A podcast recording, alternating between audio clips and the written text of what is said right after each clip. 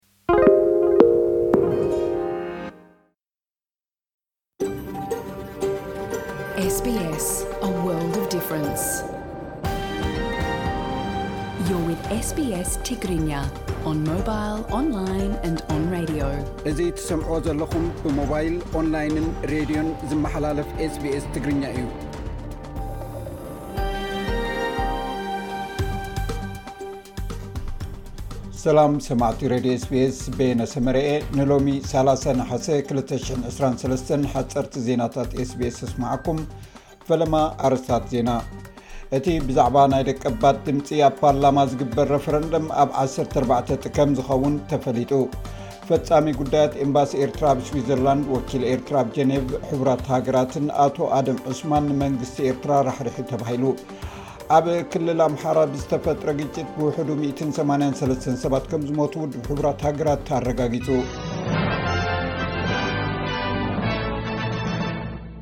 እቲ ኣብ ኣውስትራልያ ብዛዕባ ናይ ደቀባት ድምፂ ኣብ ፓርላማ ዝግበር ረፈረንደም ኣብ 14 ጥቅምቲ ከም ዝኸውን ተፈሊጡ እቲ መግለፂ ዝመፀ ኣብ ደቡብ ኣውስትራልያ መዕቀን ድምፂ ህዝቢ ነቲ እማመ ዝድግፍ ናይ እወ ድምጺ ዝያዳ ምዃኑ ምርካቡን ከምኡውን ኣብ ታዝማንያ ናብ ናይ ኣይፋል ድምጺ ይዕብልል ከም ዘሎን ኣብ ዝተገልጸሉ እዩ። ቅድሚ ሕጂ ዝተኻየዱ መጽናዕትታት ህዝቢ ኣብታ ነዚ ናይ እወ ድምጺ ክዕወትን ከይዕወትን ዝለዓለ ተራ ዘለዋ ደቡብ ኣውስትራልያ ናብ ኣይፋል ዝብል ድምጺ ዝዓዘዘ ምንባሩ እዚ ተገሊጹ ዘሎ መዕቀኒ ህዝቢ ኣዝዩ ዓቢ ለውጢ እዩ። ቀዳማይ ሚኒስተር ኣንቶኒ ኣልባኔዝ ውሳኔ ቅድሚ ምግባሮም ኣድመጽቲ ንኹሉ ሓቅታት ኣብ ግምት ከእትዉ ተላብዩ። ፈጻሚ ጉዳያት ኤምባሲ ኤርትራ ኣብ ስዊትዘርላንድ ወኪል ኤርትራ ኣብ ጀኔቫ ሕቡራት ሃገራትን ኣቶ ኣደም ዑስማን ንመንግስቲ ኤርትራ ከም ዝራሕርሐ ሬድዮ ኤረና ጸብጺቡ።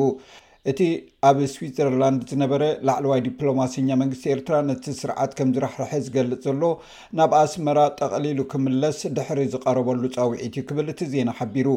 ኣብ መንጎ ኣባላት ኤምባሲ ኤርትራ ኣብ ስዊትዘርላንድ ድሕሪ ዘጋጠመ ምስሓብ መብዛሕትኦም እቶም ካብ ኤርትራ ዝተመደቡ ዲፕሎማሰኛታት ኣቐዲሞም ናብ ኤርትራ ተጸዊዖም ገሊኦም ግዝያዊ ማእሰርቲ ገሊኦም ድማ ምድስካል ከም ዘጋጠሞም እውን እቲ ነዚ ሓበሬታ ናብ ሬድዮ ኤረና ዝለኣኾ ምንጪ ኣረጋጊጹ ክብል እቲ ዜና ኣፍሊጡ።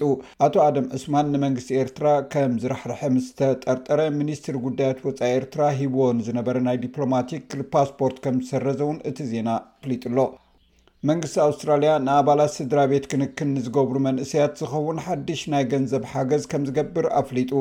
በቲ The Young Carer Bursary ዝበሃል መደብ ን ሓደ ሽሕን ሓሙሽተ ሚእትን ተስዓን ክልተን ዝኸውን ክሳብ ሰለስተ ሽሕን ሸውዓተ ሚእትን ስሳን ሸሞንተን ዶላር ዝበጽሕ ናይ ገንዘብ ሓገዝ ብምሃብ ንመንእሰያት ናይ ትምህርቲ ወጻኢታቶም ኣብ ምሕጋዝን ናይ መነባብሮ ጸቕጥታት ኣብ ምድጋፍን ሓገዝ ክገብር እዩ።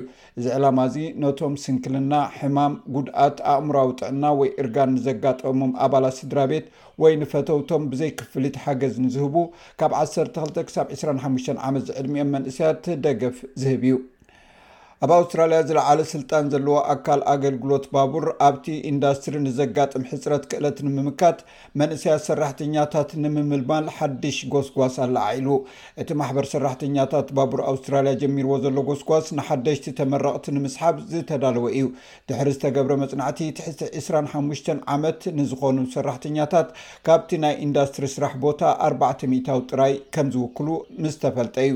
ህቦብላ ሃሪከን ኣዳልያ ናብ ወሽመጥ ፍሎሪዳ ገጹ ኣብ ዝግስግሰሉ ዘሎ እዋን፣ ኣብ ወሽመጥ መክሲኮ ሓይሊ ብምርካቡ ኣብ ገማግም ባሕርን ዝርከቡ ቦታታት ዝነብሩ ከፈናቕሉ ኣገዲዱ ኣሎ። እቲ ህቦብላ ንፋስ ኣብ ሰዓት ሚእትን ሱሳን ኪሎ ሜተር እናተሓምበበ እዩ ዝኸይ ዘሎ። እንተኾነ እቲ ጻዕቂ ኣብ ሰዓት ሚእትን ሰማንያን ኪሎ ሜተር ክበጽሕ ትጽቢት ኣሎ። ሓላፊት ፈደራላዊ ናይ ህጹጽ እዋን ምሕደራ ትካል ዴኒ ክሪስወል ተቐማጢ ፍሎሪዳ ንህቦብላ ኢዳልያ ከም ቀታሊ ማዕበል ብዕቱብ ክርእይዎ ተማሕጺና ኣላ። ኣብ ክልል ኣምሓራ ብዝተፈጥረ ግጭት ብውሕዱ ሚእትን ሰማንያን ሰለስተን ሰባት ከም ዝሞቱ ውድብ ሕቡራት ሃገራት ሓቢሩ። ቤት ጽሕፈት ሰብኣዊ መሰላት'ቲ ትካል ኣብ ዘውጽኦ መግለጺ፣ ኣብ ዝሓለፈ ወርሒ ሓምለ ጀሚሩ በቲ መንግስቲ ፈደራል ንፍሉይ ሓይሊ ኣምሓራ ዕጥቁ ንምፍታሕ ዝወስዶ ስጉምቲ ብምቅዋም ዝግበር ዘሎ ግጭት ብውሕዱ ሚእትን ሰማንያን ሰለስተን ሰባት ከም ዝተቐትሉ ኣፍሊጡ። ኩነታት ሰብኣዊ መሰላት ኢትዮጵያ እናኸፍኣ ይኸይድ ከምዘሎ ዝገለፀ እቲ ቤት ፅሕፈት፣ ኣብ እዋን እዋጅ ህፁፅ እዋን ልዕሊ ሓደ ሽሕ ሰባት ኣብ ቀይዲ ከምዝኣተው ፀብፂቡ። ኣብ ሱዳን፣ ሕቡራት ሃገራት ኣብ ምዕራባዊ ግዝኣት ዳርፉር ኣብ ዝተኻየደ ውግእ ሰላሳን ትሽዓተን ሰላማውያን ሰባት ከምዝተቐትሉ ኣፍሊጡ። መብዛሕትኦም ዝሞቱ ደቂ ኣንስትዮን ህፃናትን ምዃኖም ውድብ ሕቡራት ሃገራት ሓቢሩ'ሎ። እቲ መጥቃዕቲ ኣብ ርእሰ ከተማ ደቡባዊ ግዝኣት ዳርፉር ኒያላ እዩ ተፈጺሙ። ካብ ሓሙሽተ ነሓሰ ጀሚሩ ኣብታ ከተማ ብዝተፈጥረ ግጭት ኣስታት ሓምሳ ሽሕ ሰባት ካብቲ ከባቢ ክወጹ ከም ዝተገደዱ እቲ ትካል ኣፍሊጡ'ሎ። ባር ሰማዕትና ንሎሚ ዝበልናዮም ዜናታት ቅድሚ ምዛምና ኣርእስታቶም ክደግመልኩም።